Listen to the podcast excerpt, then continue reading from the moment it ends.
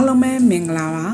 အခုတစ်ပတ်စာရေးရမယ်ဆိုတော့ကျမဝန်းကျင်မှာကြရက်ထနေတဲ့ပြည်သူစစ်သားစုဆောင်သည့်တည်င်းပြန့်နှံ့မှုတွေမှာပြည်သူတွေဘဝအကြောင်းမိသားစုဘဝတွေအကြောင်းကို ပြောပြချင်ပါတယ်ဒီနေ့ကကျမနဲ့ရင်းနှင်းသူ အမျိုးသားတဦးကဆရာမကြီးကျွန်တော်တို့ဝန်းကျင်မှာအသက်20ကနေ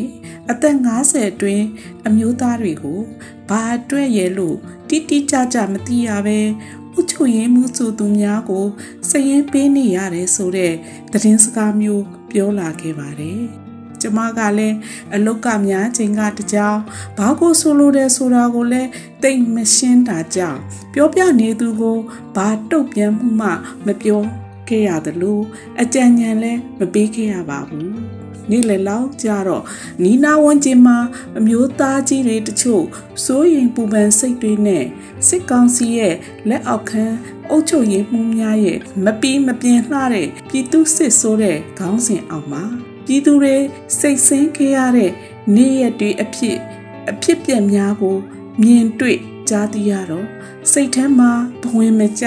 ဖြစ်မိနေတာတော့အမှန်ပါ ဒါအပြင်စားဝတ်နေရေးမပြေလှတဲ့မိသားစုများစွာအတွက်အခုလိုအရေးကြုံလာခဲ့ရင်အနိုင်ကျင့်မှုတွေကိုဖြေရှင်းနိုင်သည့်နီလန်းကစလို့အာနာရှင်စနစ်ဆိုးရဲ့အာနာဇက်ကနေရုံးထွက်နိုင်ဖို့ကလည်းပြည်သူတွေအတွက်ခက်ခဲလာပါတယ်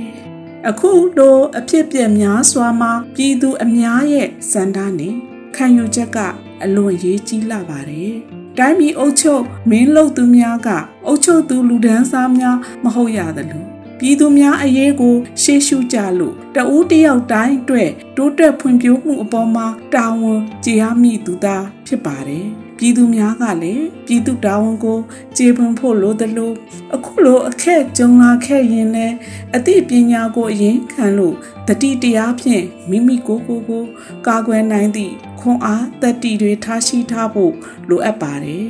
အခုလိုတော်လန်ကာလမှာအာနာရှင်စနစ်ဆိုတာအာနာရှင်စိတ်ဖဲအမြဲရှင်သန်နေကြတာဖြစ်လို့ဒီသူလူတို့ရဲ့ဇောင်းနေရေးကျမ်းမာရေးအလုရှားပါမှုလိုအားကအစမတန်စေနိုင်မှုကုံစိမ့်နှုံမြင့်တက်မှုစတဲ့တိုင်းပြည်ရိုးရင်းပျက်စီးမှုများမှပြည်သူများရဲ့ဘဝတွေကိုရှေ့ရှုရမှာမဟုတ်ပါလား နှစ်ပေါင်းဆယ်ချီပြီးပြည်သူတွေရဲ့ဘဝတွေကိုညီမျိုးစုံစနစ်မျိုးစုံနဲ့အုပ်ချုပ်မှုပုံစံမျိုးမျိုးအောင်မှာအာဏာရှင်တွေရဲ့ဘဝတွေကခိုင်မြဲနိုင်ဖို့စစ်တပ်ဆိုသည့်အင်အားကိုသုံးပြီးပြည်သူတွေကို အကြောက်တရားနဲ့အုပ်ခဲအုပ်ချုပ်ခဲ့ကြတာပါပဲဒီအတွက်ယနေ့အချိန်ထိပြည်သူတွေဘဝကအိုးအိမ်ရှိပါရဲ့နဲ့ နေရဆွန့်ခွာကြပြီးအခုလိုအာနာရှင်စနစ်ဆိုးအကြမ်းဖက်များနဲ့ဝေးနိုင်သမျှဝေးတဲ့နေရာတွေမှာရှောင်တိန်နေကြရတာယနေ့အချိန်ပြည်သူတွေရဲ့ဘဝတွေပါ